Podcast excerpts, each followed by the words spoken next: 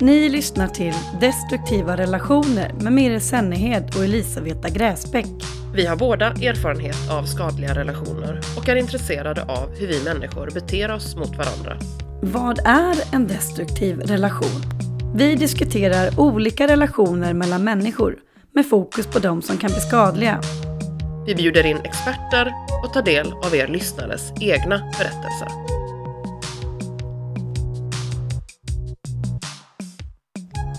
Hallå alla! Nu kör vi igång vårt tionde avsnitt och säsongens sista faktiskt. Det känns ju väldigt kul. Vi har hunnit gå igenom massa intressanta ämnen under denna säsong. Och man har ju verkligen lärt sig mycket nytt, eller hur Lisa? Absolut. Eh, det har varit väldigt lärorikt att starta en podd.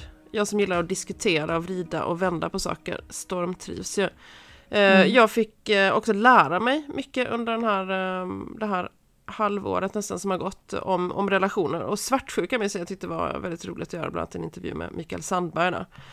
Um, mm. Saker som man um, ja, har lett till mycket diskussioner både på nätet och i verkliga livet mellan vänner och kollegor. Så tycker jag är, är jättekul. Eller hur? Nej, men det, det känns ju också som att vi verkligen har Det känns verkligen som att vi har spelat in våra samtal som vi hade även innan vi skapade en podd. För vi hade ju liksom timlånga samtal om de här olika ämnena. Eh, det enda som är skillnad kanske då är ju att vi har tagit in experter och fått då intervjua människor som faktiskt har eh, ibland knäckt våra fördomar och fått oss att se saker ur ett nytt perspektiv. Och det är jätteintressant.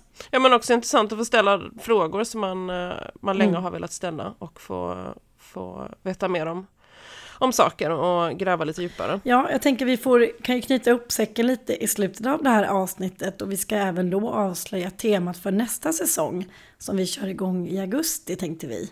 Lite sommaruppehåll först. Men eh, först mm. ska vi få lite mer kunskap om andra typer av relationer än de som vi har utgått från tidigare när vi har pratat i vår podd. Vi har utgått mycket från monogama relationer eller tvåsamhetsnormen eftersom vi båda är monogama och många lyssnarhistorier har kommit att handla om parrelationer. Men i det här avsnittet så tänkte vi titta närmare på hur destruktivitet kan se ut i andra relationsformer. Hur en relation kan se ut när man väljer att leva med flera partners och vilka problem som kan uppstå. Så jag tänker att vi spelar intervjun som du har gjort med det. Du har pratat med Sanna Lindén som är genusvetare och själv lever i en polyamorös relation.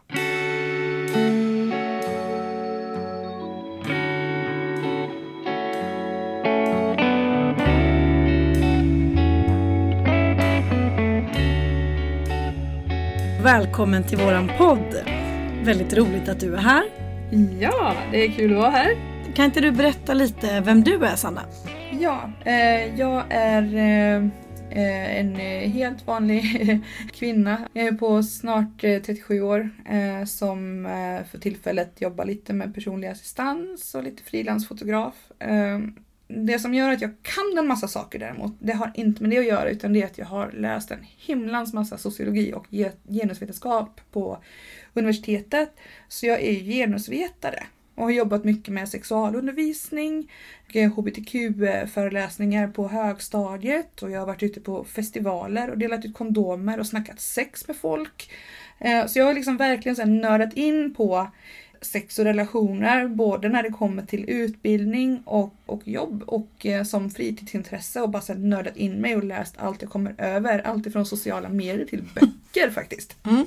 Ja, det är så att jag och Lisa har ju suttit och pratat väldigt mycket om relationer nu och vi har väldigt ofta pratat väldigt mycket ur en monoperspektiv i olika relationsproblem och sådär. Så jag tänkte vi skulle fråga dig eh, lite dumma frågor och lite fördomsfulla frågor och lite olika nyfikenheter kring just hur det ser ut att vara poly men också vilka problem som kan uppstå och hur relationerna kan vara en utmaning och sådär. Så jag tänker att vi kör igång och jag ställer en liten fråga här.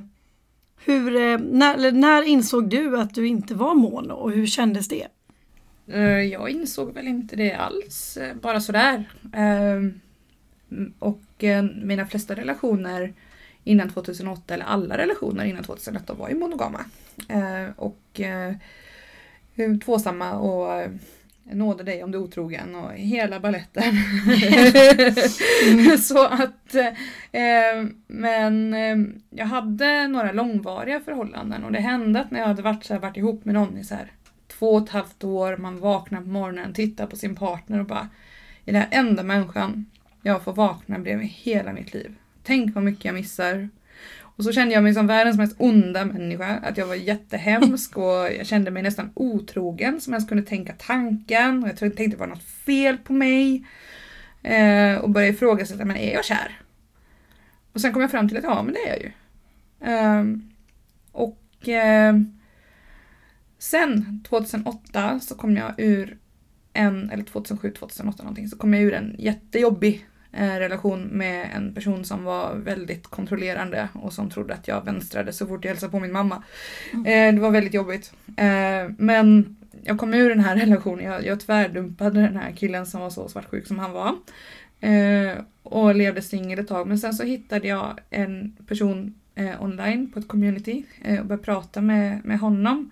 Vi började prata i telefon, vi pratade flera veckor och jag åkte till slut och hälsade på honom i Småland och vi inledde en relation och han sa från början att han ville ha någon form av flersam relation. Och då fick jag ta ställning till det och jag kände att ja, men det funkar för mig. Uh, och vi var tillsammans i fyra år tror jag. Uh, och hade olika partners utöver varandra under hela den tiden. Och sen såklart eftersom att det var nytt så vi hamnade i många fallgropar, gjorde nybörjarfel eh, och fick lära oss av misstag och sådana saker. Men vi är fortfarande vänner ändå. Eh, mm. eh, och eh, eh, det var väl egentligen han som eh, fick mig att förstå att jag var normal så att det var ändå bra liksom. Väldigt skönt när man får veta det. ja. Men, men det känns som att oavsett vilken relation man hamnar i så måste man ju någonstans liksom komma överens och leta. När man, även som man är mono, när man börjar ha relationer så börjar man ju söka i vad som är rätt och fel och vad som känns bra och inte. Utan det handlar ju om att liksom träffa någon man kommer överens med och trivs med och så har man ett upplägg som man... Ja, någon eller flera. Ja, någon eller flera, precis. Men du, vad är, vad är skillnaden mellan poly och relationsanarkist? Poly är ju ett paraplybegrepp eh, som poly betyder flera. På grekiska kan det vara kanske? Latin, mm. någonting. Nej, det är grekiska. Det betyder egentligen bara flera. Så det är paraplybegreppet över allting när man är flera. Eh, mm. Egentligen. Och det kan man vara på jättemånga olika sätt. Man kan ingå i en triad, att man är tre personer som alla är ihop med varandra. Men de får inte vara ihop med någon annan utanför det till exempel. Det är ett sätt. Oh, det finns de som har eh, enskilda relationer, alltså man, man kanske har många förhållanden men de personerna i sin tur har inte förhållanden med varandra utan de kanske har flera andra som man själv inte är ihop med. Alltså det finns ju så himla många olika sätt att göra mm. på. Det finns de som inte definierar sina relationer alls vid namn, de bara finns där som något flytande men ändå väldigt verkligt. För människorna finns i ens liv. Man kanske inte vill kalla det för pojke eller flickvän eller någonting. Och där det, kommer, det, vi, in, där ja, kommer vi in på mm. relationsanarki egentligen. Eh, för relationsanarki eh, i praktiken är ju ofta att undvika de här etiketterna som gör att ett helt paket följer med på grund av en normativ bild av hur ett förhållande ska se ut och vad man ska göra. Och Det innebär att man väljer att skapa sina egna sätt att göra relationer på. Och i praktiken då så kanske det är att nej men jag vill inte kalla dig för min flickvän men jag kan kalla dig för min älskling. Till exempel mm. kan det vara. Eh, så kanske någon gör. Någon annan kanske inte vill säga älskling heller för att älskling också är ett laddat ord som gör att man bygger upp en massa saker kring eh, vad är en älskling? Hur gör en älskling? Hur är man älsklingar med varandra? Mm. Mm. Och då kanske man har en sån inre bild om hur det går till. Och då börjar man kanske ta för givet saker, förutsätta saker att det här gör älsklingar. Utan att mm. man kanske ens pratar med varandra om vad, vad gör en älskling. Liksom. Så att det, det är en normkritisk praktik i att undvika de här etiketterna som gör att ett helt paket följer med. Eh, som gör att man tar vissa saker för givet, att man undviker det utan man istället pratar igenom eh, vad som ska gälla för oss. Mm. Så hur, hur är du och jag vänner med det? Det kanske vi ska bestämma istället för att hela samhället ska bestämma ja. det. Ja. Relationsanarki är också eh, en filosofisk eh, fråga. Eh, det är en filosofi som innebär då att man Ja, ungefär som att en feminist ersätter, eller erkänner eh, patriarkatet, att det existerar, eh, så kanske en relationsanarkist erkänner att att eh, relationer är dynamiska och kan förändras över tid beroende på vilken situation man är i. Var man är personlighetsutvecklingsmässigt och att man kanske vill olika saker olika tider i livet och att relationer också kan förändra form över livet med samma person. Till exempel det kan vara en sån här sak som att två personer lever särbo länge och sen väljer de att flytta ihop. Ja men då blir de ju sambo. Då, då har ju det förändrats. Alltså till exempel bara en sån enkel sak kan det vara. Att eh, relationen kan förändras över tid på olika sätt. Om man då om vi ska reda ut begreppen lite grann då, vad är skillnaden på polygam och polymorös? Polyamorös. Polyamorös. Polyamorös. Och, mm, och polygam hör man ju ofta. Ja, polygam är, är ju en juridisk term. Eh, det betyder månggifte, alltså att man ingår äktenskap med flera människor samtidigt. Eller att man kan vara gift med flera, att man kanske är gift och så gifter man sig med en till. Och så. så polygam, det är det här äktenskapet. Det är den som används oftast. Eh, för jag har ju hört när man säger att ja, men jag är polygam eller han är polygam. Man använder det här begreppet oftast jag i i monosammanhang. jag stöter oftast på det begreppet eh, bland människor som, som egentligen inte har så stor koll på de olika orden. Till exempel mig. Olika ord är kanske inte lättast i universum att hålla reda på Nej. om man inte har ägnat väldigt mycket tid åt att göra sin ja, research. Nej. Alltså att, att forska vidare i vad är det här och vad är det. Alltså det tar sin tid att läsa på vad allting betyder. Det är Precis. ingenting man gör över en natt. Nej. Och då tänker jag också på vad är skillnaden på polyamorös och att ha ett öppet förhållande? Polyamorös är ju den som har förmågan att känna romantiska känslor för flera människor samtidigt och inte bara att den bara blir kär i en. Någon som är polyamorös blir då kär i flera.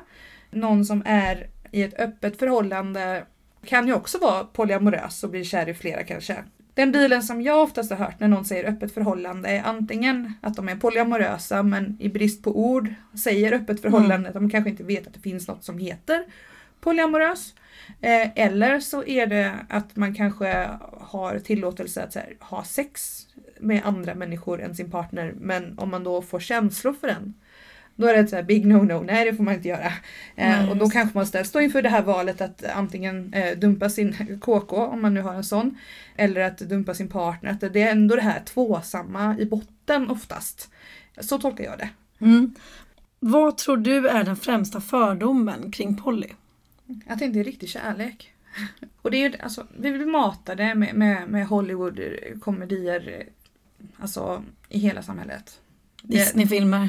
Ja, Disney, eh, Hollywood, eh, romantiska komedier och, och det är alltid det här och det är nästan alltid så här när det är att någon är kär i två så ska de alltid stå där och välja eh, mellan den ena och den andra. Och väljer man inte bara en, då är det inte riktig kärlek. Kolla bara på de här reality-serierna de står i, vad heter de här, Paradise Hotel eller... Eh, jag har faktiskt inte kollat på dem. Nej, jag kollar inte, jag kollar inte heller på dem faktiskt. Men, men det här man ska välja vem man älskar eller du vet de här...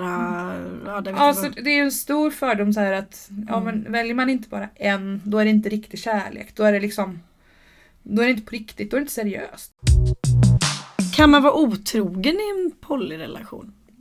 Ja, det tänker jag att man kan. För att varje relation är unik och varje, varje Alltså alla människor som ingår i relationer med varandra eh, bestämmer sig för olika saker, att man vill ha det på ett visst sätt.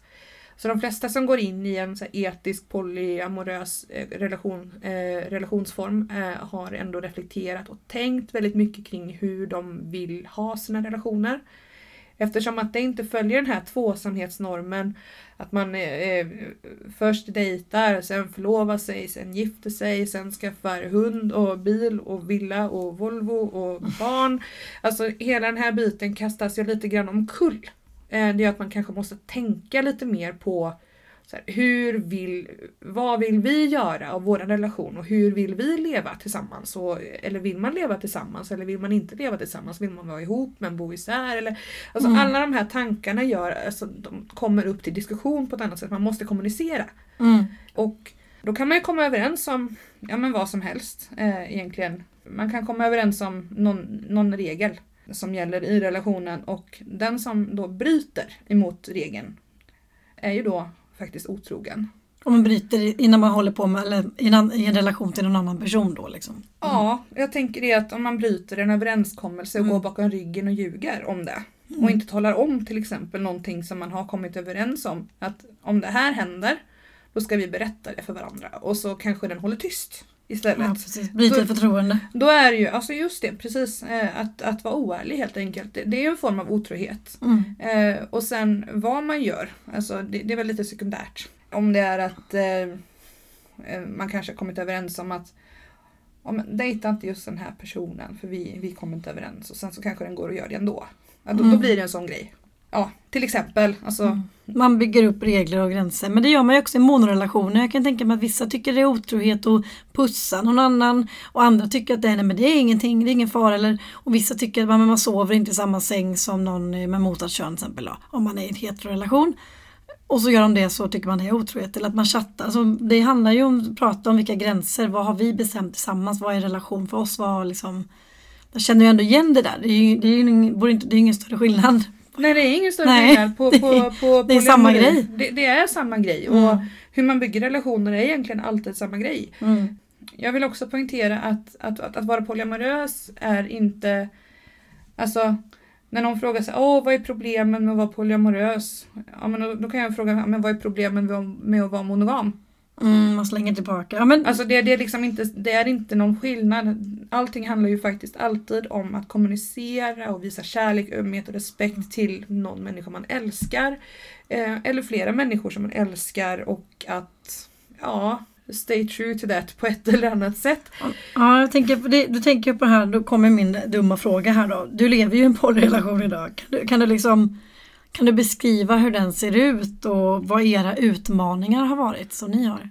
Jag kan beskriva eh, min och min, eh, min eh, partners eh, relation. Eh, vi har varit tillsammans i en bit över fem år nu. Och eh, vi eh, träffades 2016 men vi hade känt varandra eh, lite mer än ett år innan det. Och han hade varit så jätteflörtig under det året. Eh, men jag var så här, nej jag ska vara singel. så det, men, men det är ändå på något sätt så blev det liksom, ja, eh, efter många om och men att vi träffades flera gånger så till slut så blev det att vi inledde en relation. Och eh, men då hade vi ändå så pratat igenom och lärt känna varandra ganska mycket under det här året så vi visste ju båda två att nej men det här blir ingen monogamt. Nej. Eh, så det var ju liksom både, bådas intention ifrån början också. Eh, vilket också har varit väldigt skönt. Det har ju aldrig funnits den här tanken om att man äger varandra i vår relation. Så han äger inte mig eller min kropp och jag äger inte honom eller hans kropp. Ja, vi, är, vi, är, vi lever i en hetero-relation kan jag väl Mm. berätta då, men jag är inte heterosexuell. Mm. Utan eh, jag, jag har även haft eh, under de här fem åren så ett tag så dejtade jag en eh, tjej som bor i Norrland och jag åkte några gånger med flyget upp dit och hälsade på. Och vi försökte typ ha ett förhållande eller dejta eller någonting så vi definierade aldrig helt tydligt. Men det var ändå tillräckligt definierat och tydligt för att när relationen den romantiska relationen mellan mig och den här tjejen tog slut så var det ändå ett breakup. Mm. Så jag kan säga att man, när man vet att man är i någon form av förhållande, det är väl kanske när det tar slut. Eh, men det tog... Men, Hur är det då? För jag tänker om man, jag tänker när man, nu som Bono, när, när det tar slut med mig i en relation så blir det en sorgeprocess och man kanske tycker, ja, jag var jätteledsen men hon gav mig också den schysstaste dumpningen jag någonsin har varit med om. Och Jo men jag tänker, du har du, om man är poly, om man då har, säg att jag har, eh, att jag har två pojkvänner då. Eller en flickvän och en pojkvän. Och så gör flickvännen slut, då har jag ändå pojkvän att gosa med. Det måste vara ganska skönt att inte vara helt men, ensam. ja, har man ju någon att gå och trösta Ja, jag är lite, Det är ju- lite avundsjuk på det här nu för känner jag det, det vidriga kan ju vara det här helt plötsligt man från att ligga och mysa och ha någon nära så även om man själv gör slut så är det fortfarande en, en känsla av att man blir ensam och tomhet och även fast det kanske är frivilligt. Och om man har en till då kan man ju gå dit. Det känns ganska skönt. Jag kanske ska bli Ja. poly ändå. Kan man Ja. inte bara bestämma sig och bli det? Jag vet inte faktiskt. Det är faktiskt en av mina frågor. Kan man, kan man eh, bestämma sig att nu jag ska bli poly? Har du träffat någon som har bestämt sig för det? Liksom?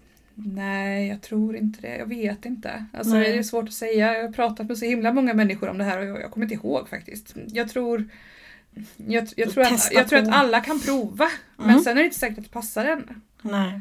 Alltså det, det är ungefär som vilket pålägg gillar man på mackan? Ja men man kan prova typ så här en Mm. räkmacka men eh, sen kommer man på att nej men jag vill vara Eller en vegan. dubbelmacka. Eller oh, Sen kommer man på att man vill vara vegan. Då vill man inte ha någon räkmacka längre. Ja men liksom lite sådär. Så man, man kan prova olika saker och komma fram till att undersöka faktiskt. Det tror jag är nyttigt för alla att undersöka hur man vill ha det. Ja, Eh, och tänka igenom det. Det tror jag är någonting som monovärlden kan, kan verkligen så lära sig av polyvärlden. Att faktiskt tänka igenom hur vill jag ha det? Hur vill jag leva mitt liv? Vad vill jag ska gälla i mina förhållanden? Absolut, jag tycker verkligen det. Det, Absolut. det är någonting som många kanske inte gör så mycket. För man hoppar in i ett förhållande och så vet man att ja, men, när jag är i ett förhållande så betyder det det här och det här och det här. Det kräver inte så mycket kommunikation. Nej. Man tar för givet att så här ska det vara.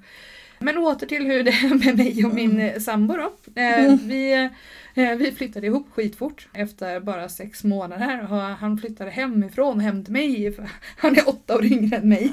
Mm, Så att det var verkligen så här och jag tänkte redan då så här, herregud hur ska detta gå? Så här, hans mamma tvättade hans kläder. Men det har, det har gått bra. Han har fått lära sig eh, så här, att sköta ett hushåll. Han kunde inte det först men han, jag fick lära upp honom helt Ja. enkelt. Eh, Så det var ju också en så här spännande grej. Som inte alls har med att vara poly att göra Nej. egentligen. Jag bara med relationen, men det är inte att Men, göra. eh, men det är så här, så vi, vi, har, vi har haft våra ups and downs och men vi har hela tiden varit jätteöverens om att vi inte ska vara monogama och inte tvåsamma och inte låsa oss fast i definitioner.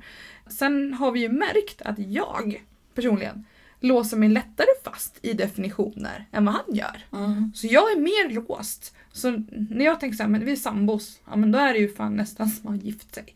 Då är det så här, ja men då är det så här, jag och du mot världen och eh, om den ena behöver flytta någonstans så får den andra flytta med och är det så att eh, en vill flytta och en inte kan flytta, nej men då kanske den får stanna kvar och Mm. liksom, vi har haft lite sådana diskussioner faktiskt kring eh, för att han funderade på att om det inte fanns bättre betalda jobb för honom någon annanstans än där vi bor. Och Mm. då är jag såhär, nej men jag kan inte flytta.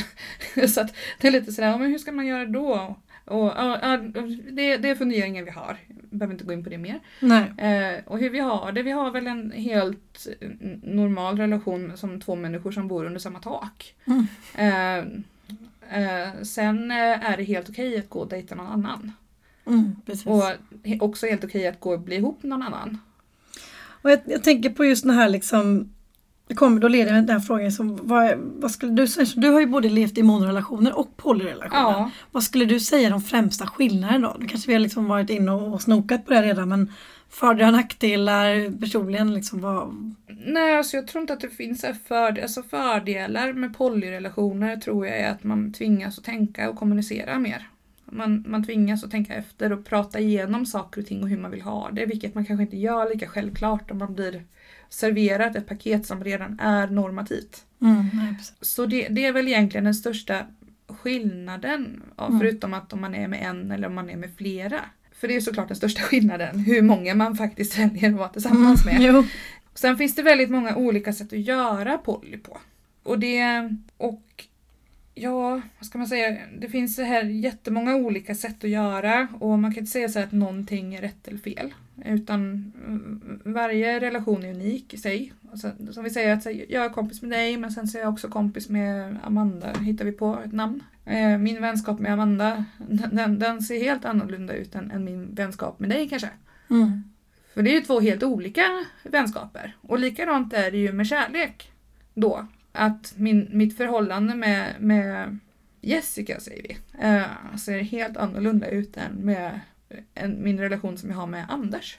Alltså det är väldigt olika. Mm, mm. Eh, varje relation är på sitt eget sätt. Ja precis men är man inte rädd att förlora sin partner i en polyrelation? Jag tänker att om ens partner får smaka på en annan frukt så kanske hen tröttnar på den gamla frukten och hellre vill ha en ny och fräsch frukt. Och, ja, men du vet, lite grann, har hen inte fått smaka på frukten så vet hen inte vad den kan få men hen vet vad den har. Alltså liksom, om man låter sin, jag, jag som är mono som absolut inte ens kan tänka tanken av att dela min eh, relation med någon. Jag tänker liksom shit om, om, om min eh, pojkvän eller flickvän springer runt och får kyssas och pussas och kramas och får testa lite, det är som att köra olika bilar så här. Du kör en bil och så får du testa en massa andra, den här bilen var mycket roligare att köra. Och så hade man inte testat den bilen så hade man ju bara, "Ah, men min gamla bil den är nice ändå, även fast den inte kanske är det bästa på marknaden. Men den funkar och jag trivs. Och så, ja, men förstår du hur jag tänker? Jag, jag, är liksom, jag kanske bara är en Volvo och så sätter sig han eller hon i en Jaguar och kör Ja, iväg. men det, här, det, här, det här är en sån... Det här är, det här är ett klassiskt där monotankesätt. Ja, Jag Vill är ju- klassisk. Jag vill, vill jag nog... Eh, det, jag skulle säga att nej, det, det är nog inte riktigt så. Alltså, det kan ju bli så. Men då kanske det är någonting som skaver i den första relationen ifrån början. Mm. Så då kanske det ändå inte är rätt. Nej, jag förstår precis vad du Eh, menar. Mm. Så att eh, det, det, alltså tryggheten, en stor trygghet i att vara polyamorös det är just det här att du inte kommer att bli lämnad för någon annan. Mm. Utan istället så bjuder du in en till. Mm. Så att nej, du blir ju inte lämnad Mm. för att den andra frukten är godare. Utan du kan ju ha båda två. Du kan ha både äpple, päron och banan i påsen. Så, så man, då behöver man ju liksom inte välja utan man utan eh, så, så länge alla är glada och okej med, med vad som händer och alla mår bra och alla kommer överens så, så kan man ju ha allihop. Ja, vi, och vi, nu när du pratar om det, just det här med alla är överens och alla mår bra. Vi, vi pratar ju främst om destruktiva relationer i den här podden. Och nu har vi liksom sniffat lite på poly, mono versus varandra och så vidare. Men jag tänker, har du varit i en destruktiv polyrelation? Alltså en relation du har nu och hur såg den ut? Och vet, eller vet du någon annan som varit det, där liksom har blivit destruktivt och vad det beror på? Nej, alltså jag skulle säga att jag har aldrig varit i en destruktiv polyrelation. Som, alltså jag har aldrig varit i en relation som har varit destruktiv här, på grund av att det är poly. Nej. Eh, däremot så har, har ju relationer kunnat bli destruktiva av andra anledningar. Eh, som att man inte lyssnar på varandra till exempel. Eller, eller man vill bråka om disken eller sådana här grejer som uppstår i alla förhållanden. Mm. Så kan det ibland bli att, att man blir arga på varandra eller bråkar eller toxiskt eller man- någon blir ledsen. Eller otrohet och Ja, svartsjuka. eller- Och, Allting som kan hända i en monogam relation kan hända i en polyrelation. Eh, och man kan bli osams och, och det kan bli destruktivt också. För att det är ingen garanti att en person som är poly alltid är eh, perfekt. Eller det känns som att jag liksom på något sätt när vi har pratat här nu liksom sagt att men det är så himla bra, det är så bra, det är så bra, det är så bra. Men även bland alla polypersoner så finns det olika sorters människor. Så det kan ju, det, man kan ju träffa någon som är eh, Alltså så här, jag, nu ska vi inte dra det för långt, jag höll på att säga psykopat. Eller, eller väldigt egotrippad eller empa- empati. Alltså man kan ju Mm. råka på sådana människor i alla miljöer. Ehm, och i alla sammanhang och konstruktioner. Och Ja, relationer. så, Ja. så det är ju liksom ingenting som, som inte skulle Nej. kunna- hända bara för att man träffar någon som säger att den är poly. Nej. Eller, eller som vill leva poly. En person, alltså det finns inga, alla är människor är olika ändå. Och, och kan bete sig på olika destruktiva sätt. Jag tänker på just det här om, om Anna, Stefan och Olle är ihop då. Så har Anna och Stefan planerat en dejt. Anna och Olle ska ses nästa dag men Stefan ber Anna sova över en natt till. Men prioriterar Anna. För det är också jag kan tänka mig att det ändå är en ganska vanlig. Man tänker så här, ja men om, om hon vill det och så mår han dåligt och så mår hon, alltså när, när man hamnar i en sån situation.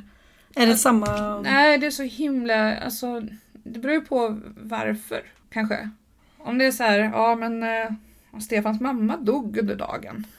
Så kanske Ja. man ska Då, prioritera kanske, Stefan. då kanske det är läge att stanna kvar hos Stefan och Mm. ställa in nästa dags eh, träff då. Men annars så är det väl viktigt att man håller sig till det man har sagt för att ingen ska känna sig bortprioriterad eller utanför så att man inte det betyder inte att man inte kan vara spontan. Men det betyder kanske att om man har lovat någonting så får man hålla det. Precis som man gör med sina kompisar eller föräldrar, barn, vad som helst. Att man, om jag bestämmer sig om jag ska träffa dig imorgon klockan tre. Ska inte du behöva stå där och vänta klockan tre och undra var jag är någonstans. Liksom. Nej precis, jag tänker Eh. det. Men om man tänker, blir du någonsin svartsjuk eller avundsjuk? Och liksom, finns det någonsin rädsla att inte räcka till i en relation? Alltså, flera personer har ju olika behov så det blir ett större ansvar om man ska få det att funka. Jag tänker en stor familj är svårare att bemästra än kanske en liten. Eh, Det är det... faktiskt en stor grej i, som diskuteras mycket i poly-communityt, både eh, så nationellt i Sverige och internationellt. Jag är med i massa Facebookgrupper som handlar om olika sorters eh, flersamma relationer, både i Sverige och utomlands, mycket amerikaner. Alltså, Ja, eh, eller så internationella grupper men det är mycket amerikaner och det diskuteras mycket svartsjuka och sådana saker i de här eh, grupperna och som man ser Mm. folk skriver och svartsjuka är en känsla. En, mänsklig, en ytterst mänsklig känsla. Ja, vi har ju Alla- pratat om den alla- i podden Så här. alla kan vara svartsjuka. Men, men då är det någonting som skaver, typ att, man, att det är något behov kanske som, som inte blir tillfredsställt i ens relation. Då kanske man ska undvika, undersöka eh, vad är det som skaver och vad är det som gör ont i mig. Istället för att till exempel börja säga att nej, nu, nu får inte du umgås med Anders.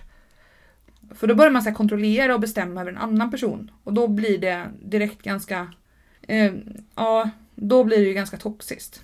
Är det återigen den där kommunikationen att okej nu kommer en ny, hur tänker, ska man då alla måste vara inkluderade i hela liksom Det kan man välja. konstruktionen? Det kan man välja. Alltså, Det finns ju olika, som sagt, olika sätt att vara poly.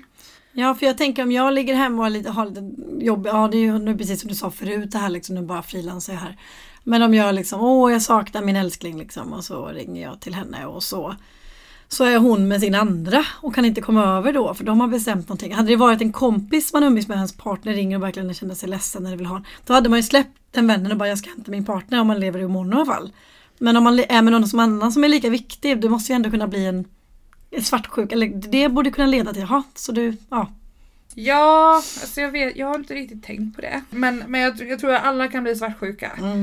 Men, men det handlar om hur man hanterar den i sådana fall. Alltså att man inte direkt börjar kontrollera vad den andra människan gör med sitt liv eller sin kropp. Eller, alltså det är väldigt viktigt att man inte börjar tro att man får lov att göra vad som helst med en annan person bara för att man känner på ett visst sätt. Eller tvinga en person att göra på ett sätt som den inte vill bara för att man själv, alltså det, det handlar lite grann om att sätta sig, sätta sig utanför den egna känslan. Mm. Och också vara empatisk mot den andra personen. Bara för att jag känner så här så betyder inte det att jag behöver bestämma Nej. vad du får ju lov att göra eller vem du får gå hem till. Eller, alltså att det är viktigt att, att, att vara tillåtande. Men sen är det klart om man behöver någonting. Till exempel jag kanske känner Nej men nu har jag fått så himla lite uppmärksamhet på sista tiden. Det kan du känna i vilken relation som helst. Mm. Då kanske det är bra att säga det till sin partner "Men jag har känt mig lite ensam på sista tiden. Skulle du kunna bekräfta mig i att jag inte är ensam? För då skulle jag må lite bättre. Det kan man ju till exempel säga då. Ja men det är kommunikation liksom. Så att det liksom handlar om att Mm. handlar om det här. Jag, ty- jag tycker att det, det, finns en, det finns en eh, samtalsmetod i förhållanden som heter Non-violent communication. Eh, som jag tycker är jätteviktig. Och det handlar just om det här att först säga så här. När det här händer. Då känner jag mig så här. Då behöver jag detta och då vill jag att du. Alltså så det blir väldigt så här, tydligt. Och det är jättebra att göra i alla relationer vare sig det är poly eller mono eller om det är med en vän. Eh, eller sin mamma, pappa, morfar. Ja men Absolut. alltid liksom Mm. så här alltså om det är någonting så kan man ta upp det på det sättet och det är jättebra. Mm, väldigt bra tips. Men vad jag tänker på, vad händer om din partner börjar liksom gilla eller bli kåt på eller förälska någon som du inte gillar? Hur, hur löser ni det? Det har ju vi faktiskt upplevt, jag och min nuvarande. Jag försökte gilla den här personen först. Och försökte till och med bli vän och bjöd hem personen. Och, eh, men eh, men eh, det visade sig att jag och den här personen faktiskt inte kom överens på olika sätt. Som jag inte vill gå in på för jag vill inte outa vem det är. Nej. Eh, och det höll inte så länge heller. Men då, då blev det ju faktiskt att, eh, att, eh, att min kille fick avsluta relationen med den här personen. Och liksom ställas inför ett, inför ett val nästan där. För det funkade verkligen inte för mig. För jag märkte att jag och den här personen, vi blev fiender. En av våra enda regler efter det här har varit liksom såhär, dejta inte min ovän. Nej, det känns Eh, som en bra regel. Vi, vi har två regler, Eh, faktiskt endast två. Mm. Eh, För att ett av misstagen som jag har gjort i tidigare relationer är att ha för mycket regler. Som gör att det blir svårt att komma ihåg. Till exempel att så här, ja men innan du ska ligga med en ny så kan väl du fråga mig om det är okej. Det blir lite det här ägandet också. Ska man ligga där så mitt i ett förspel? Nej, jag måste bara ta upp telefonen så här, ringa och fråga om det här är okej. Ja, det funkar liksom inte. Man inte måste, alltid i alla fall. Nej, men det kan vara bra liksom. Ja, det, det, det, är inte alltid möjligt att ringa innan. Man kan ju komma överens om att ja, men jag gör, vi gör det om vi kan. Men det blir fortfarande så flytande så det är bättre så att in, i så fall informera efteråt. Ja, jag undrar mest om du ringer, vad, vad är... Jag tycker det känns, om man har den friheten ändå, kommer inte överens om det. Ska du ringa och fråga, hej den här personen, om, om han eller hon inte känner den här personen så spelar det väl ingen roll? Eller vad är liksom... Nej jag tror inte det spelar Nej. så stor roll. Men jag, jag känner så att det var ett misstag som jag och ett av mina ex gjorde liksom. Att vi Mm. hade den här grejen för oss, men fråga först. Det, det ledde ju till, till, eh, till en otrohetssituation just därför att det inte var möjligt att fråga först. Ja Eh, precis. så, att, det mm. så det blev ju liksom inte alls bra, det blev jättedestruktivt. Så därför försöker ju jag och nuvarande partner ha lärt oss av, av mitt gamla misstag att ens överhuvudtaget tänka i de termerna. Istället om det händer någonting så kan man ju om man känner för det berätta om det då. Men då vi känner att man måste berätta om det. Det är ju om, om ett så här skydd har gått sönder. Ja just det. Eh, Så vi har ju, vi har ju krav på varandra att skydda sig mot sexuella sjukdomar. Så att eh, om, om någon har en penis involverad så använd kondom till exempel. Eh, Använd praktiker som, som gör att man håller sig frisk. Är det någonting som har hänt som äventyrar ens alltså, hälsa så, så, det, så har vi sagt att vi måste berätta det så att man kan undvika att ligga med varandra eh, tills någon har fått så här, testresultat. Man går och testar sig. Mm. De som är ihop med många, de har en sån här jag har hört talas om, om att det finns de som har så här sluten kroppsvätskecirkel typ. Eller jag vet inte hur, jag kommer inte ihåg vad det heter. Jag tror du skulle säga en app. De håller reda på vilka. Nej men det kan vara typ så här att eh, det, det, det är någon som är ihop med två personer och Mm. de här två personerna är ihop med två till och sen så kanske det slutar på att det är liksom tio personer. Mm. Och då blir det så informationsplikt till allihopa ifall någon har legat utanför den här cirkeln liksom. Oj vilken Eh, så organisation att, ändå. Mm. Så Mm. att alla får veta liksom att ja men nu finns det risk för klamydia, nu får alla gå och testa sig. Alltså lite sådana här alltså eh, det, det finns ju de som gör så. Eller jag har hört talas om det. Ja, men det var Eh, jättebra att du sa det för det där hade inte jag ens en tanke på att ett himla, det är som ett stort kretslopp liksom. Ja, ett, eh, man brukar kalla det för kluster. Klust. Kluster, alltså så när det, när det är många relationer som Ah, går in i varandra kluster. på olika sätt så, så kallas det för polykluster. Och det är ett sätt att göra poly på. Eh, ett sätt av många. Ja. Eh, Men om vi ska gå in på flera sätt eh, att vara poly på så finns det ju liksom separata relationer. Så här, jag är ihop med en som är ihop med två, säger vi. Då, och de i sin tur är ihop med några, men separa- man dejtar separat. Mm. Mina relationer, mina relationer, min partners relationer, den personens relationer. Så här, att man inte är ihop med sin partners partners. Nej just det. Att man har sina egna relationer. Mm. Eh, sen finns det ju de som, som vill att man ska helst eh, vara tillsammans allihop. Triader till exempel är ett sånt exempel att man är tre personer och allihopa är ihop med varandra. Men de får kanske inte vara ihop med någon annan eller ligga utanför. Utan då är det de tre. Men det är också en form av poly. Även om det innebär att de tre är trogna mot varandra till 100% och inte får liksom vänstra utanför. Eh, sen finns det, eh, finns det de som säger Ja men vi kan dejta både separat och tillsammans och det är inte så noga. Det blir som det blir. Alltså, det liksom, som du förstår finns tusen sätt att göra på och jag kan inte ens räkna upp alla. Men eftersom att det här handlar om destruktiva relationer så vill jag så här, innan vi avslutar berätta lite grann om, om fenomen inom polycommunityt som är enligt mig i alla fall direkt giftiga, alltså toxic. Eller kan vara, behöver inte vara, ska vi säga. Eh, men oftast, ofta är det. Så någonting som finns är unicorn hunting, Vad är det? enhörningsjägare. eller Jo men det förstår jag, men vad betyder det? Eh, då är det ju oftast ett heterosexuellt par, en man och en kvinna, eh, som letar efter en tredje kvinna, bisexuell, för att de ska krydda till sexlivet kanske. Eller att de så söker en för att de ska bli en sån här sluten triad kan det vara också. Men ofta är det så ett par som letar efter en tredje part och då oftast en bisexuell kvinna. De hittar du väldigt mycket på Tinder kan jag säga direkt. Ja det har jag också sett Mm. på Tinder. För att jag är poly så jag har ju Tinder. Mm. Polly har jag sett många också men jag har sett just den här heterosexuella par som eller en man som har en, en tjej som är bisexuell eller, Ja. eller att de är hetero och bara vill leka, ha lite roligt Ja, liksom. och det, det är ju unicorn hunting. Att man liksom, och då Finns är det ju att, att man alltså aktivt jagar och letar efter en Mm. tredje tjej då oftast. Det som är problematiskt med unicorn hunting, alltså det kan göras på ett bra sätt så att alla är glada. Men det kan också bli jättedestruktivt om man gör det för det man får tänka på om man är ett par som har en etablerad historia tillsammans, man har levt ihop länge kanske. Det är att man redan har en grundtrygghet och dynamik i den relationen. Mm. Som man, man, man är de två och den tredje den, den har inte den tryggheten. Nej. För den är inte, den är ju liksom ny. Och har inte, det blir ju liksom att den personen kommer in i någonting som redan finns där. Och då kanske de inte har samma möjlighet att påverka vad som händer eller vad som är okej. Så det kan bli liksom en maktojämlikhet där. Och så kan det också bli att ja, men hon är inte så viktig ändå för att hon är ju bara med som en extra krydda. Och då kanske de glömmer bort det här men det är också en hel person med känslor. Det blir liksom en eh, engångsartikel man slänger bort sen liksom, kan det bli. Det kan bli. Och det finns ju de som har upplevt det här. Och då mår ju de väldigt dåligt efteråt. Så att om man ska unicorn-hanta och är, och, en och är i en relation eh, som, så ska man göra det på ett sätt som är schysst mot den nya personen som kommer in och vara väldigt, väldigt medveten om att man har ett maktövertag över den nya personen. Lyhörd och, och ödmjuk där liksom. Mm. Ja, ja, man, behöver, man behöver veta att vi är faktiskt i ett överläge här.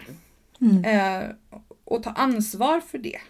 För att den nya personen har också massa känslor. Verkligen.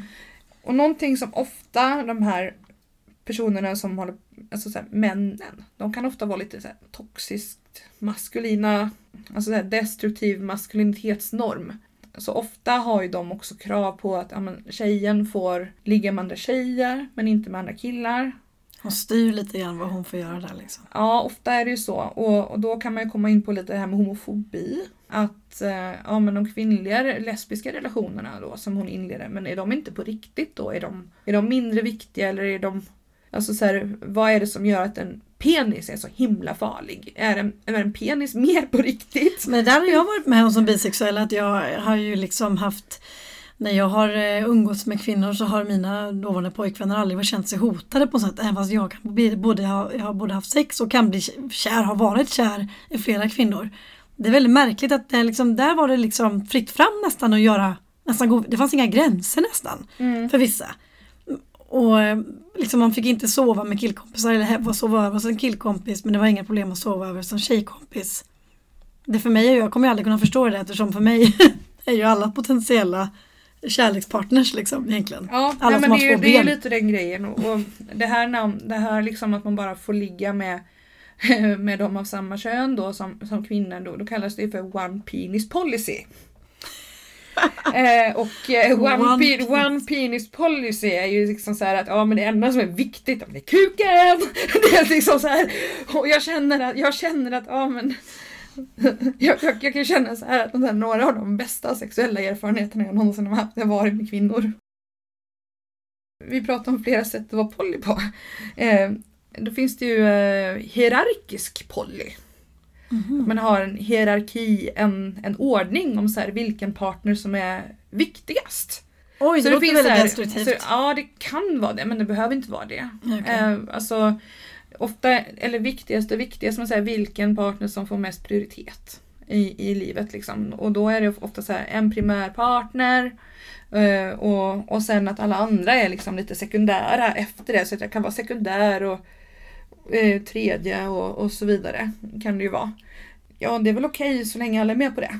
Men inte alla som vill vara sekundär. Man vill ju kanske Nej. vara lika viktig. Ja, det, jag vet inte, jag skulle nog tycka det är Men ganska sen så kanske jobbigt. det finns de som är helt okej med det. Det kanske är någon som är gift till exempel och eh, hit, som träffar någon annan som också är gift.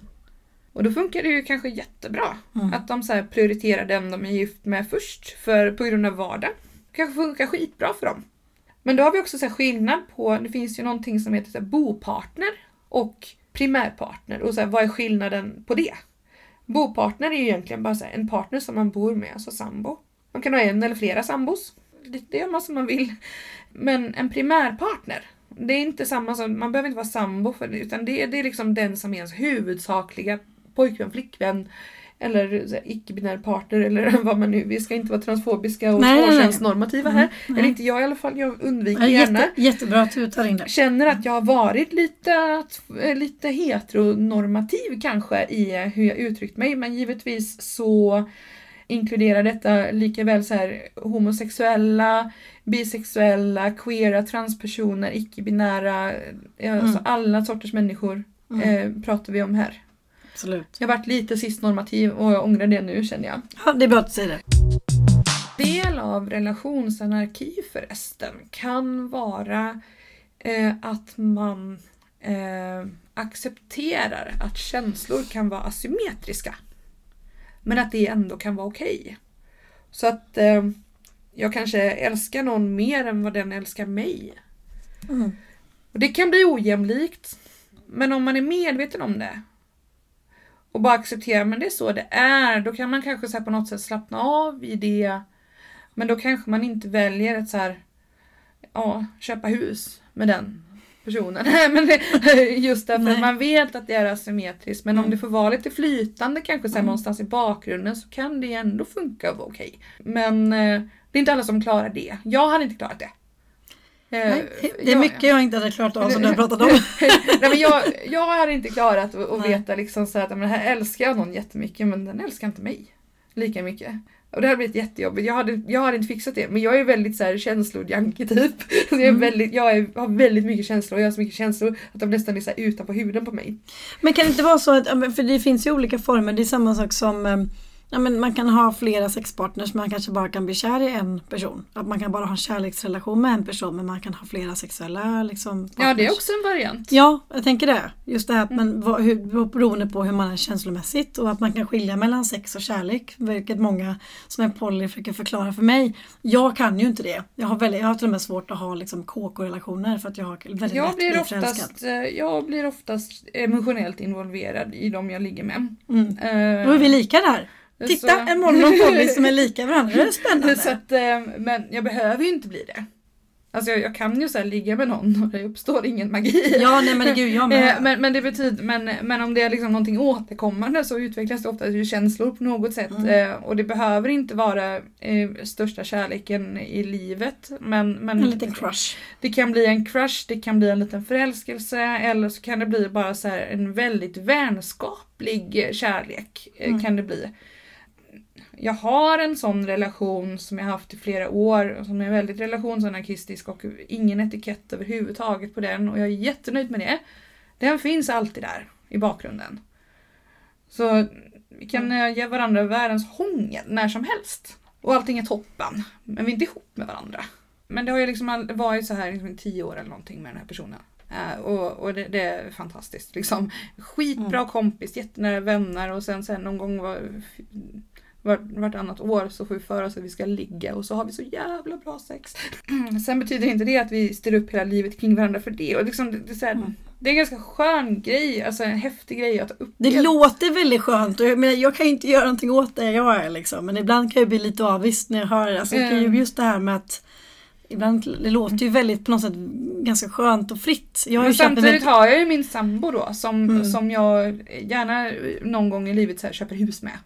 Mm. Och så här, bara bygger framtid liksom. Mm. Men det betyder inte att det inte kan komma in någon mer och bygga framtid med någon gång i framtiden för det kan lika gärna hända. Nej för jag tänker, jag kan ju inte sälja- sälja in monorelationer som jag oftast har känt mig instängd, liksom inlåst. Men mest mer känslomässigt inlåst. För mina, eftersom jag inte har aldrig känt, jag, jag har ju tunnelseende när jag är kär i någon. Jag är inte ens intresserad av någon annan, varken vare sig känslomässigt eller sexuellt. Jag ser inte det där. Jag är väldigt, men, Liksom, kan, men, men, eh, man kan ha sådana perioder även som poly. man kan det. När Mm. man är nyförälskad. Så kan det ju bli att man blir väldigt så här fokuserad på, på den här nyförälskelsen. Under Tillfälligt monoförvirrad. Nej, inte, inte riktigt. Alltså, det är inte som att det man redan har är liksom bortglömt men, men man kan ju vara verkligen så här helt uppe i det blå för man är så jävla kär i Mm. någon. Och då, då, då kan det bli liksom att man tar med sig den här nyförälskelsen med sig hem till den partner man redan har.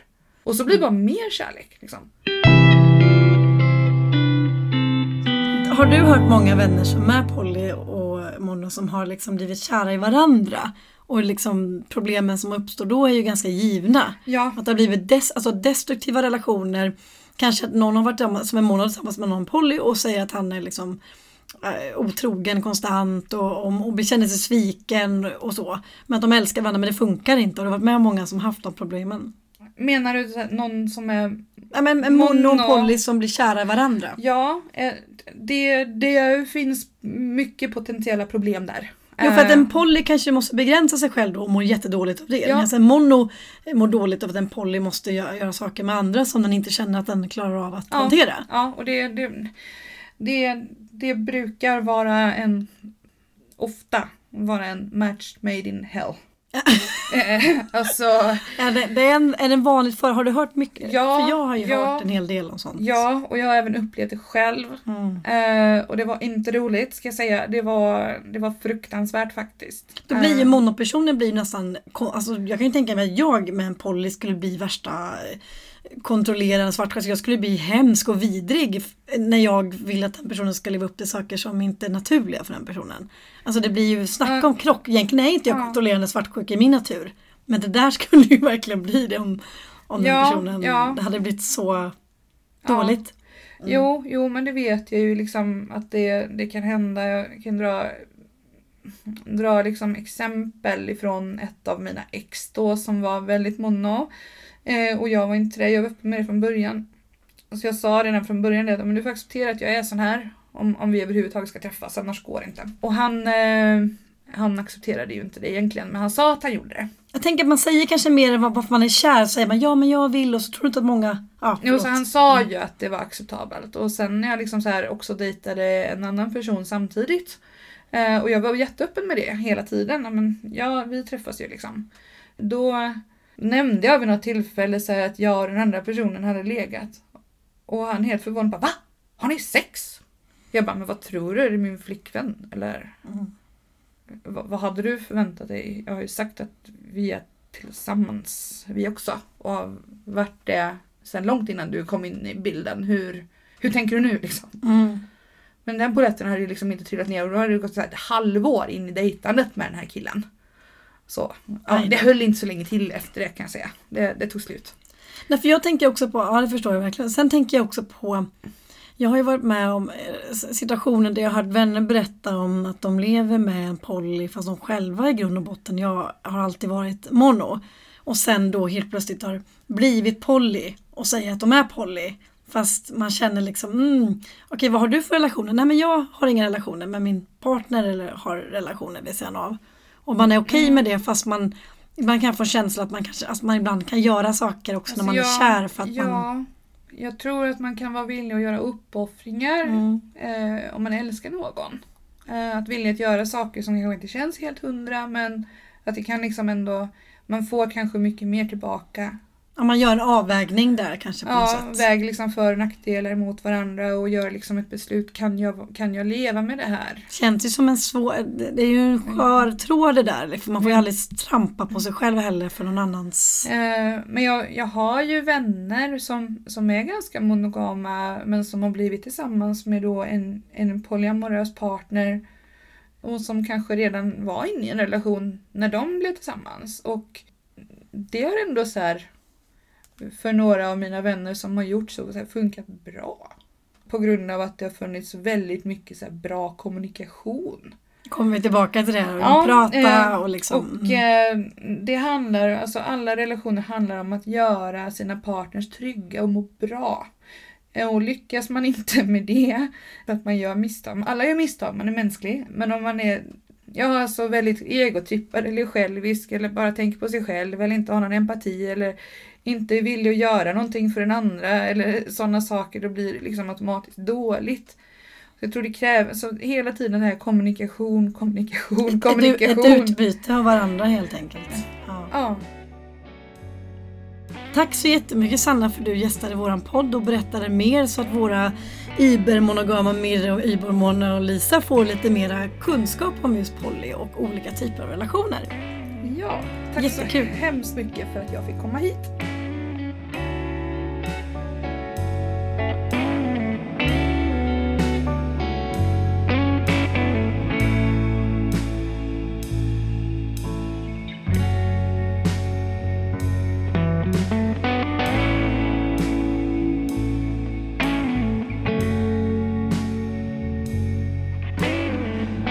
Intressant. Eh, Jag lärde mig några nya begrepp här. Unicorn hunting till exempel. Ett ord som jag aldrig har hört innan. Men jag, jag känner ju igen sökandet efter det från nätet inte minst. Och One penis policy. Ja men det är mycket, mycket begrepp som, Ja.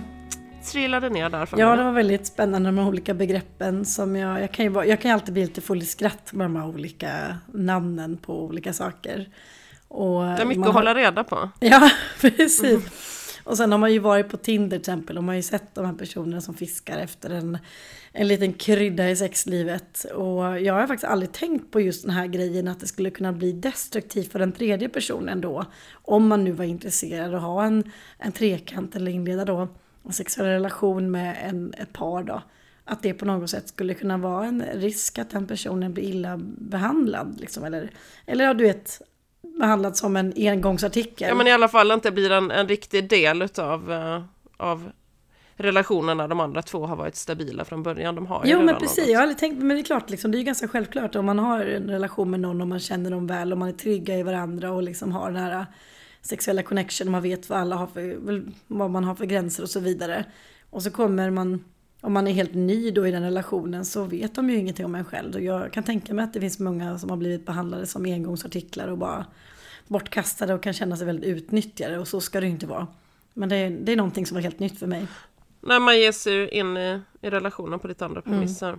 Precis, så det, det var väldigt spännande att tänka kring liksom. Och sen så tyckte jag att det var väldigt spännande med, med just det här att nej men när man frågar liksom vad är skillnaden? För jag tänkte att Sanna skulle berätta om väldigt många stora skillnader mellan just monorelationer och poly. Men sen sa hon ju det att det är ju mycket kommunikation. Och jag har faktiskt inte tänkt på det att när man startar en, eller startar, när man går in i en relation, en kärleksrelation och är mono så behöver man ju prata om var gränser går eller vad som är okej och inte eller vad man, hur man ser på relationen. Och jag tror många tar saker för givet bara för man är en del av normen och så pratar man inte om de här grejerna och så blir det ett problem när man har olika förväntningar. Att man tar mycket för givet kanske. Ja men det har man ju själv Mm. varit med om tänker jag. Människor som kommer med eh, sin eh, förväntan på hur det ska vara utan att ens diskutera det så plötsligt så Ja, uppstår det ett precis. gräl utifrån eh, någonting som man, som man inte alls har ja, men diskuterat eller eh, ens närmat sig innan. Men eh, jag tänker på det här eh, ändå, absolut kommunikation är viktigt både i monogama och polygama relationer. Men det, jag känner att det borde, kanske för att jag är så kommunikativ som jag är, då ska man kommunicera med ännu flera. Det kräver ju ändå lite mer av en, att man ska bli förstådd av flera tänker jag. Att man ska liksom, aha, landade mitt budskap där, ja det landade hos dig, landade det lika bra hos dig. Ehm, men det är. Ja, men jag- det är jag som tänker Ja, så. jag håller med. Jag lever fortfarande i den, alltså även fast jag har fått mina fördomar knäckta på olika sätt och fått en helt ny syn på just eh, tvåsamhet eller, eller på flersamhet menar jag. på att leva med polyrelationer eller relationsanarkist och så. Eh, så känner jag fortfarande att det verkar så himla jobbigt att hålla reda på alla liksom och, och ge tid åt alla. Jag menar, att, att ha en relation med någon, sen kunde man ju ha olika slags relationer, primära relationer och att man hade kanske någon som man gav mer tid och någon som man gav mindre och det kunde vara okej om man var öppen med det och så vidare. Men jag känner ändå liksom att det är stressande nog att hinna med en partner, liksom, en partner. Och Mm. dennes liksom behov och intressen. Jag skulle nog ganska lätt känna att man liksom Nej, Tapp- man kanske Tappade någon har- kanske? Lite mer Ja, man tappar annan. någon eller att man liksom det här med att hitta en vågskål och fördela tiden och ge bekräftelse Mm. till flera olika personer. Ja, men alltså Att det blir som ett större ansvar liksom. Mm, precis som jag sa det med att ha flera bilar. För jag tänker att Mm. har man flera bilar så måste man ju också åka och besikta dem och ta hand om dem och tvätta dem och det är ju mera jobb. Ja, ja men precis. kostar mig pengar. Och det är ju samma sak om man har flera relationer. Jag tänker liksom det här med vänskap. Man har ju inte... Man har kanske många vänner och bekanta. Precis som man skulle kunna ha sex med olika personer och så. Var och en. Men att ha en relation nära liksom. En kärleksrelation. Kräver ju väldigt mycket tid och, och liksom investering. Och det gör man ju inte heller med vänner så ofta. Alltså man har ju några få som är riktigt nära. För man hinner inte investera, man kan inte liksom, eller jag, nu pratar jag ur min egen vinkel att jag hade inte kunnat ha för många nära vänner liksom, utan det är ju några få. Som man nästan kan räkna på en Mm. hand liksom. Som är allra närmsta. Jo men det är som du säger att Nej, man, det- man borde investera mycket i de här människorna. Man, ska, ja, man vet ju vad som händer i deras liv, hur de mår och så vidare. Att, eh, jag känner likadant att en liten skada klarar man, sen så, eh, så, så börjar jag tappa kollen liksom. Men jag tänkte på en annan sak här som Sanna nämner. Hon pratar om ehm, när hon pratar om One Penis Policy eh, så nämner hon eh, toxisk maskulinitet. Eh, och det här när, när män kan då tycka att det finns en överenskommelse om att mannen i förhållandet inte tycker att kvinnan ska få vara med andra män, men hon får gärna vara med andra kvinnor. Och ehm, Självklart tänker jag att man ska inte bestämma vad ens partner ska göra och inte. Eh, men Nej. min fråga är lite så här, måste det handla om homofobi för att man är mer rädd för att bli utkonkurrerad eller hotad av en annan man? Och nu pratar jag alltså om själva känslan som man kan ha, det vill säga inte begränsningarna som man ger sin partner i ett eh, annars fritt förhållande. Eh, för jag tänker att på ett sätt så är väl det förståeligt, för är man krass så tävlar ju männen på samma spelplan. En kvinna kan de inte konkurrera mot därför att hon har något annat att erbjuda än vad de har.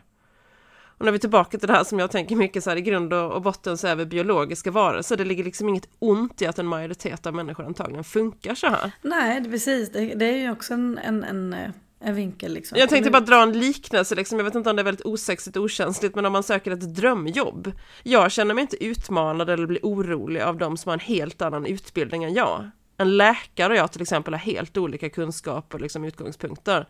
Men de som har samma utbildning som jag, de har jag mer koll, därför att vi tävlar, koll på, därför att vi tävlar på samma premisser och vi är reella konkurrenter. Förstår du vad jag menar? Ja, precis. Om man, om man förlorar den kampen så känner man sig verkligen utbytt. Liksom. Eller man känner sig verkligen... Ja, ja, Ja, jag men, kan absolut ja, förstå det. Exakt. Mm. Och den känslan tycker jag man, eller den har jag förståelse för i alla fall. Jag tycker inte att det behöver landa i, i eller grunda sig i homofobi. Nej, det kanske eller... inte nödvändigtvis behöver göra det. Men jag tror definitivt att det många gånger handlar om det. Att eh, jag, jag vet ju själv som liksom har sex med kvinnor att man får höra Mm. att man inte har det. Men ni kan ju inte ha det, för ni har ingen kuk. Liksom. Alltså det finns ju fortfarande en, en snedvriden syn på vad är Sex måste innebära sex. penetration. Ja, men precis. Och det är klart att då blir det så här, men hallå, Förr i tiden så såg man ju inte, kvinnor kunde inte ha relationer med varandra överhuvudtaget eftersom de inte kunde ha penetrerande sex. Liksom. Mm. Så, och det, det är ju grundat i en, en, en slags... eh, om en Jo, jag är med på vad du menar, absolut. Men, men absolut, jag tycker att det är intressant att du lyfter det för jag tror absolut inte på att allting är så svart och vitt. Så jag tycker det är jätteintressant att ta in en annan aspekt, att det, att det absolut skulle kunna vara så att man identifierar sig med sin egen spelplan liksom, och ser vilka som är lika en själv. Och inte vill bli utprioriterad av just en, ens egen, eh, sitt eget kön då, eller person, absolut. Men det berör en mer. Ja, precis. Sen tyckte jag det var intressant det här med eller jag tyckte det var väldigt intressant det här med att om man har flera partners, säg att man har en, en flickvän och pojkvän och så gör flickvännen slut och så kan man liksom sticka hem till pojkvännen och gråta lite och få lite närhet. Jag tyckte det var så här, åh vad det gött på något sätt. För det har ju varit Ja. det värsta när man gör slut eller man blir dumpad. Det är den här ensamhet och tomheten som uppstår efteråt. Även om man känner att man gjort rätt val. Så vill man ju ofta söka tröst i någon annan famn. Och, och det hade varit väldigt gött då att liksom känna att man inte är att man inte är helt själv då. Utan man har någon annan som älskar en och ger en allt det här man Ja, behöver. att du inte sårar den personen eller utnyttjar den personen för att du söker tröst. Nej, söker det blir tröst ju inte någon, nej, men det blir liksom ingen, då har man ju någon som finns där. Så det kunde jag väl känna mig, om jag ska säga något positivt som jag blir lite avundsjuk på, är ju just den Mm. aspekten kanske. Nej, och sen också just det här med prioritering som vi pratade om. Eh, även det här med vänskap och investera i känslor, men även det här att, ja, men, att kunna veta när man ska prioritera någon eller inte. Jag tycker det känns som det ganska lätt kan bli avundsjuka eller svartsjuka i just polyrelationer.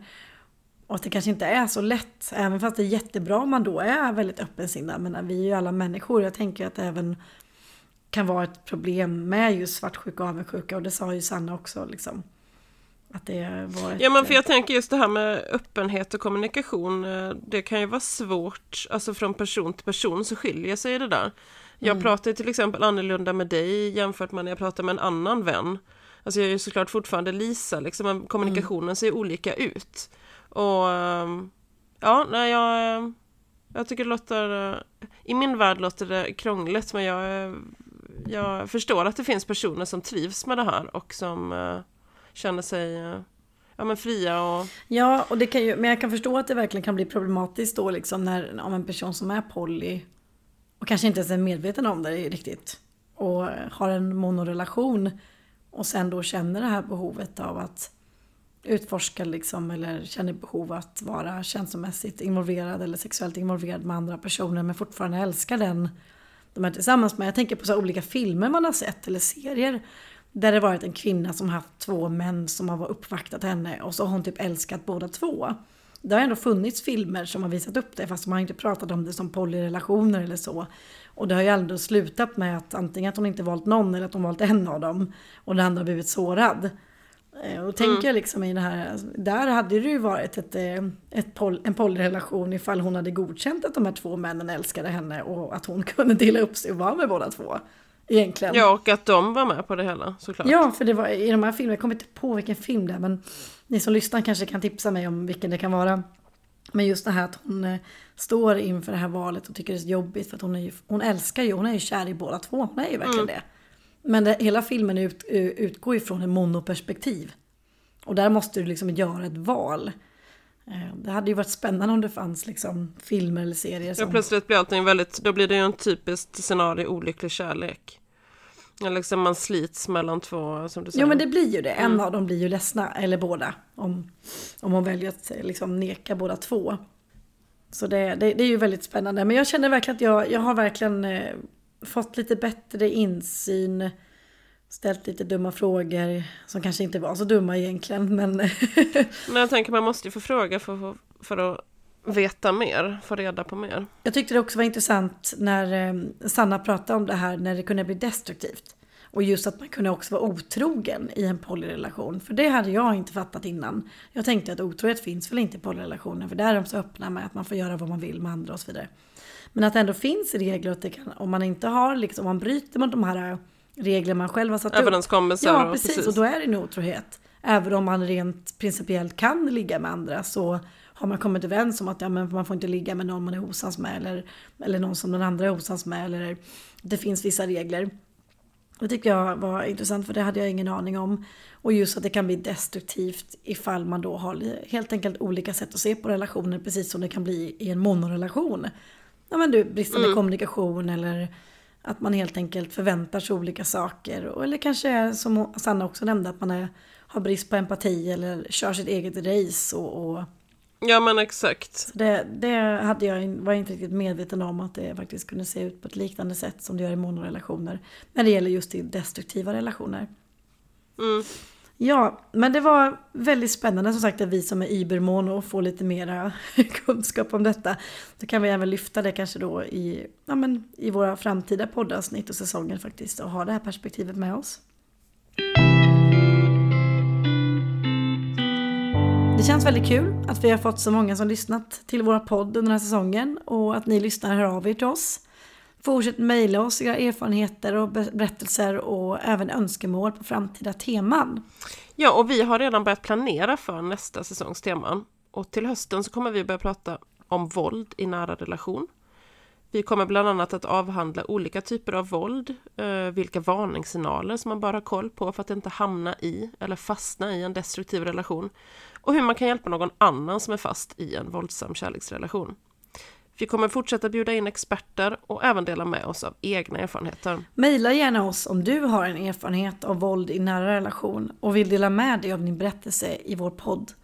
Du kan såklart vara anonym om du önskar det. Och vi vill slutligen tacka alla för att ni har lyssnat på den här säsongen och för att ni hjälper oss att sprida podden.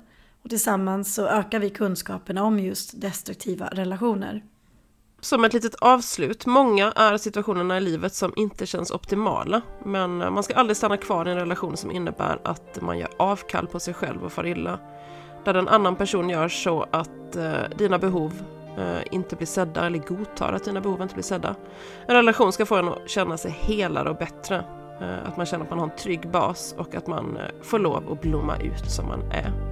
Tänker jag som ett avslutande kloka ord här. Eh, ja, det är bra det. Eh, det är alltid värt att... Eh, ja, men det är lätt att glömma. Så att jag tänker att vår podd är viktig där. Eh, men glöm inte att följa oss på våra sociala medier också. På Instagram och Youtube heter vi Destruktiva Relationer och på Facebook heter vi Destruktiva Relationer Podcast. Ja, och då önskar vi er en fin sommar och så hoppas vi ni är snälla mot varandra. Hej då!